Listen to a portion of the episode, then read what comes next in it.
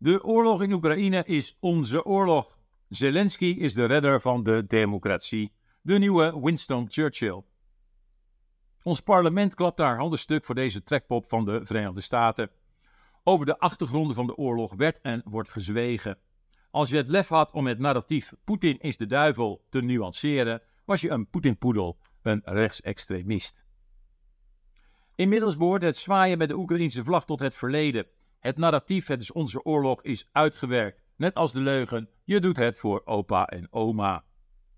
Het is doorprikt, het is leugenachtige propaganda. De vaccins brachten geen vrijheid, maar vaccinschade waar je niet over mag praten.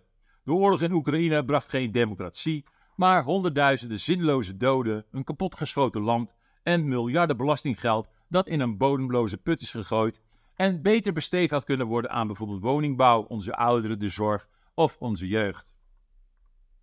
Een aanstaande nederlaag van de NAVO in Oekraïne moet kosten wat kost voorkomen worden volgens de media.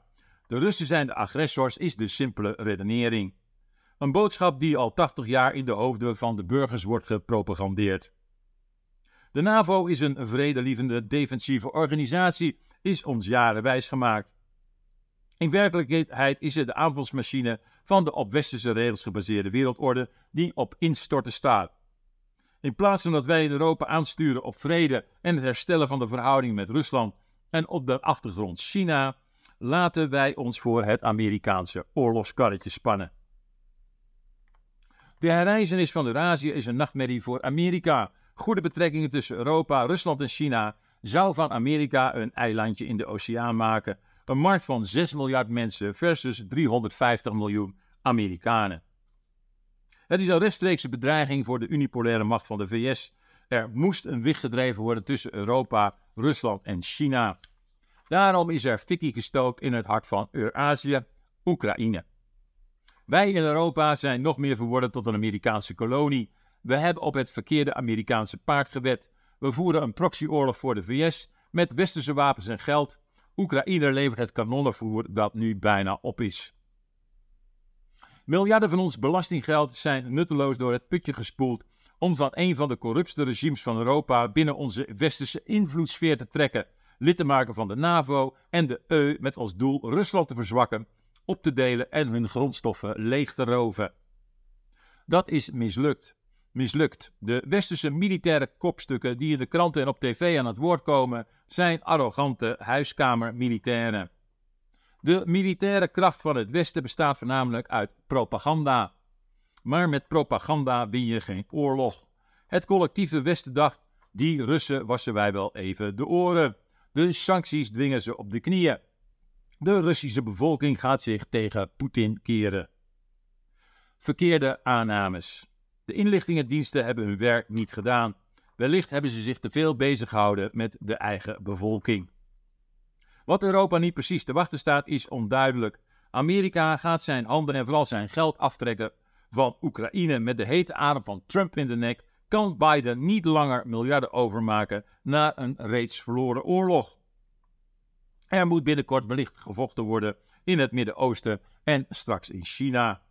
Er gaat een nieuwe multipolaire wereldorde ontstaan. De rol van Amerika als politieagent is voorbij.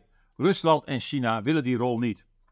De rol van Europa zal ondergeschikt worden. Europa heeft zich te lang achter de baas van de wereld, Amerika, verschuild. Een baas die op het punt staat zijn macht te verliezen. Als we niet uitkijken, slaan wij als Europa weer de verkeerde weg in. De militairen ruiken hun kans. Er is weer een nieuw narratief dat ons de komende tijd door de strot moet worden geduwd. We moeten ons voorbereiden op de komst van de Russen die, als we ons niet snel beter gaan bewapenen, binnenkort aan de Noordzee staan met hun tanks. Een narratief dat volledig in tegenspraak is met de bewering dat Oekraïne de oorlog nog kan winnen. Dat het Russische leger bijna volledig is vernietigd. Militaire kopstukken komen aan het woord in de mainstream media, de spreekbuis van overheden, de EU en de NAVO. In december 2023 pleit vertrekkend commandant van de landmacht Martin Wijnen in een pagina groot artikel in de Telegraaf voor forse, forse versterkingen van de Nederlandse krijgsmacht. We moeten klaarstaan voor het zwartste scenario en daarnaar handelen, zegt hij in het interview. NAVO-baas Jens Stoltenberg roept dit al langer. net als de Duitse minister van, Justitie, van uh, Defensie Boris Pistorius. Duitsland moet zich opmaken voor oorlog met Rusland. De dienstplicht moet weer worden ingevoerd. Maar is deze dreiging ook, ook reëel? Of is het al dan niet bewust holle retoriek? De aanname van Martin Wijnen is verkeerd. Rusland is niet geïnteresseerd in het veroverde gebied buiten haar immense grenzen. Het is precies andersom. Het Westen is al eeuwen uit op de natuurlijke hulpbronnen van Rusland. De oorlog in Oekraïne is de bevolking door de strot gepropagandeerd. De gemiddelde Nederlander heeft geen idee van de ware redenen van deze oorlog.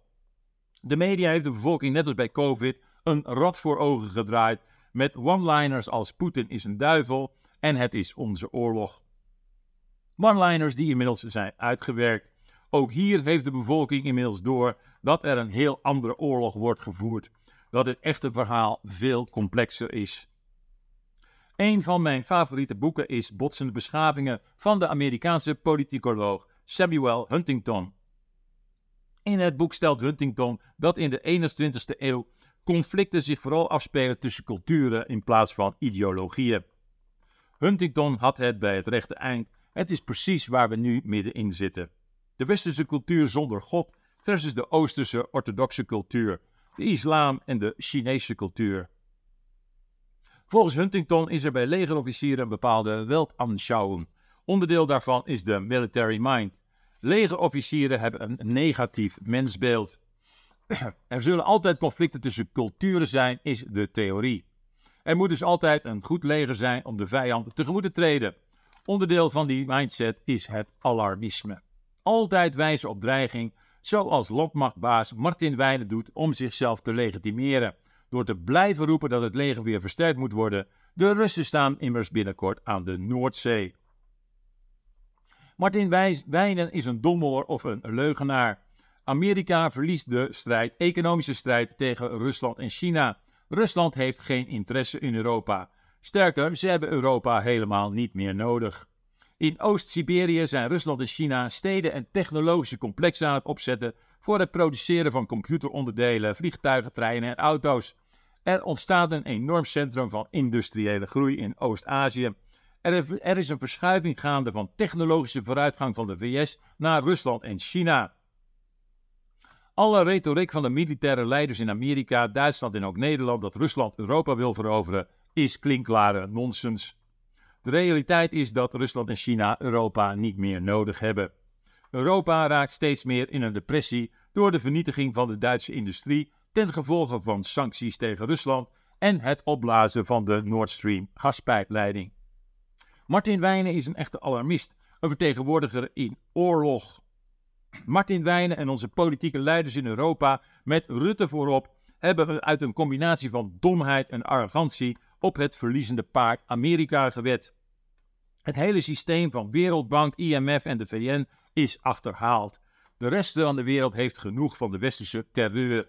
Er is een nieuwe multipolaire wereld in de maak. De BRICS breidt zijn monetaire operaties uit om onafhankelijk te zijn van de dollar. De kans op het behouden van de wereldhegemonie lijkt verspeeld voor Amerika. De laatste kans is de militaire optie.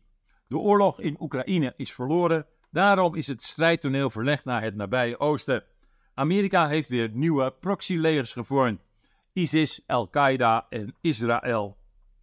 Israël is ons vliegdekschip, schreef de New York Times een paar weken terug. Er is weer een enorme public relations campagne bezig om Iran als het grote kwaad te zien om de bevolking te overtuigen dat Iran de grote vijand is. In Nederland is Telegraaf-columnist Leon de Winter de propagandist van dit narratief. Het achterliggende motief is de laatste poging de wereldhegemonie te behouden. De Russen komen niet naar Europa, maar de Amerikanen gaan naar Iran en daarna naar China. Een nieuwe olieoorlog en een oorlog om de financiële en economische dominantie van de wereld. In NRC zegt uh, generaal Onno Eigelsheim dat Nederland Oekraïne moet blijven steunen, ook met meer lange afstandssystemen, waarmee je aanvoerlijnen achter het front in Rusland zelf kan aanvallen.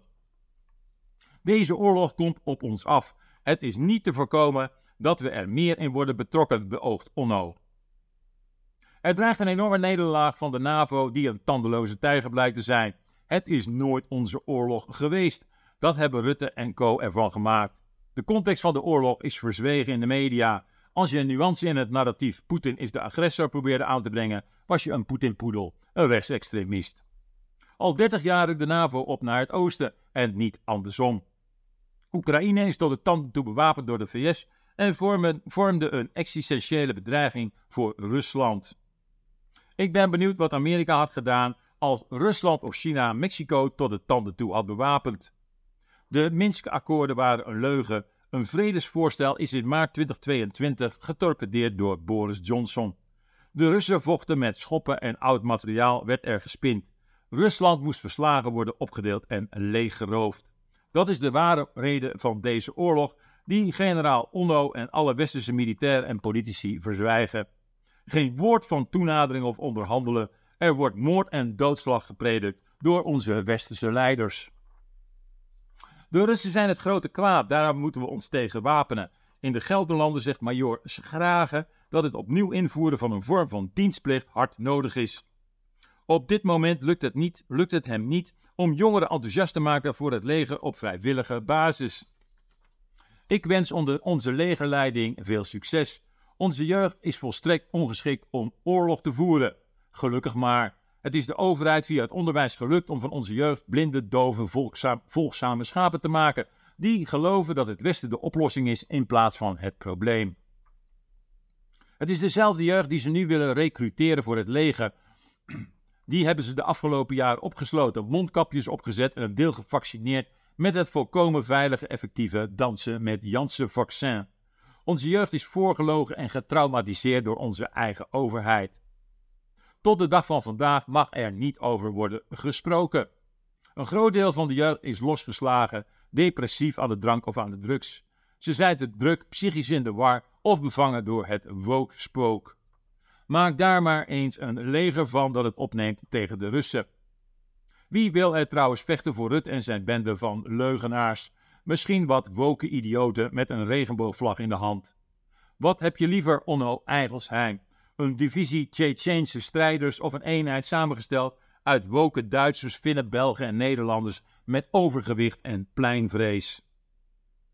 Nog meer oorlog, nog meer bewapenen, onze jeugd naar het front sturen is geen oplossing. Aan iedere oorlog komt gelukkig een einde. Dat is een geruststellende gedachte. Make peace, no war.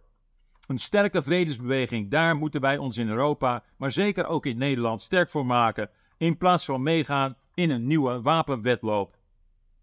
Gewone mensen overal ter wereld zijn oorlogsmoe. Eigenlijk wil niemand oorlog, behalve de mensen die er een belang bij hebben en er heel rijk van worden. Ik zou zeggen, generaal Onno, ga zelf maar samen met je kinderen en elitaire maatjes vechten in een wereldoorlog die je zo graag wil ontketenen. Wij, de bevolking, moeten niet meer meehuilen met het alarmisme van de militairen en de wapenindustrie. Niet meegaan in de propaganda van aan de NAVO gelieerde media. De NAVO moet terug in zijn hok. De NAVO moet weer de defensieve organisatie worden die het ooit was, of in ieder geval pretendeerde te zijn. Wij kunnen niet mee met de grootmachten VS, Rusland en China. Europa is te klein voor het tafellaken, maar te groot voor het servet. We moeten politieke en militaire koordansers worden die overal tussendoor manoeuvreren. Dat vereist leiderschap en visie waar het nu totaal aan ontbreekt. De oorlogsstroom waar steeds luider op wordt geslagen is een doodlopende weg. Het is retoriek die mij heel bekend voorkomt. Ik ben tenslotte een Koude Oorlogkind. Groeide op tijdens het hoogtepunt van de Koude Oorlog, de Berlijnse muur en atoombommen. Overal werd angst gepredikt. Ook toen waren de Russen onderweg. Niets nieuws dus onder de propagandazon. Op de lagere school oefenden wij onder de bank duiken, voor als de Russen de atoombom op Nederland zouden gooien. Al vroeg was ik een eigenwijs ventje, ik dook nooit mee. Ken je die mop van die Russen? Die kwamen nooit.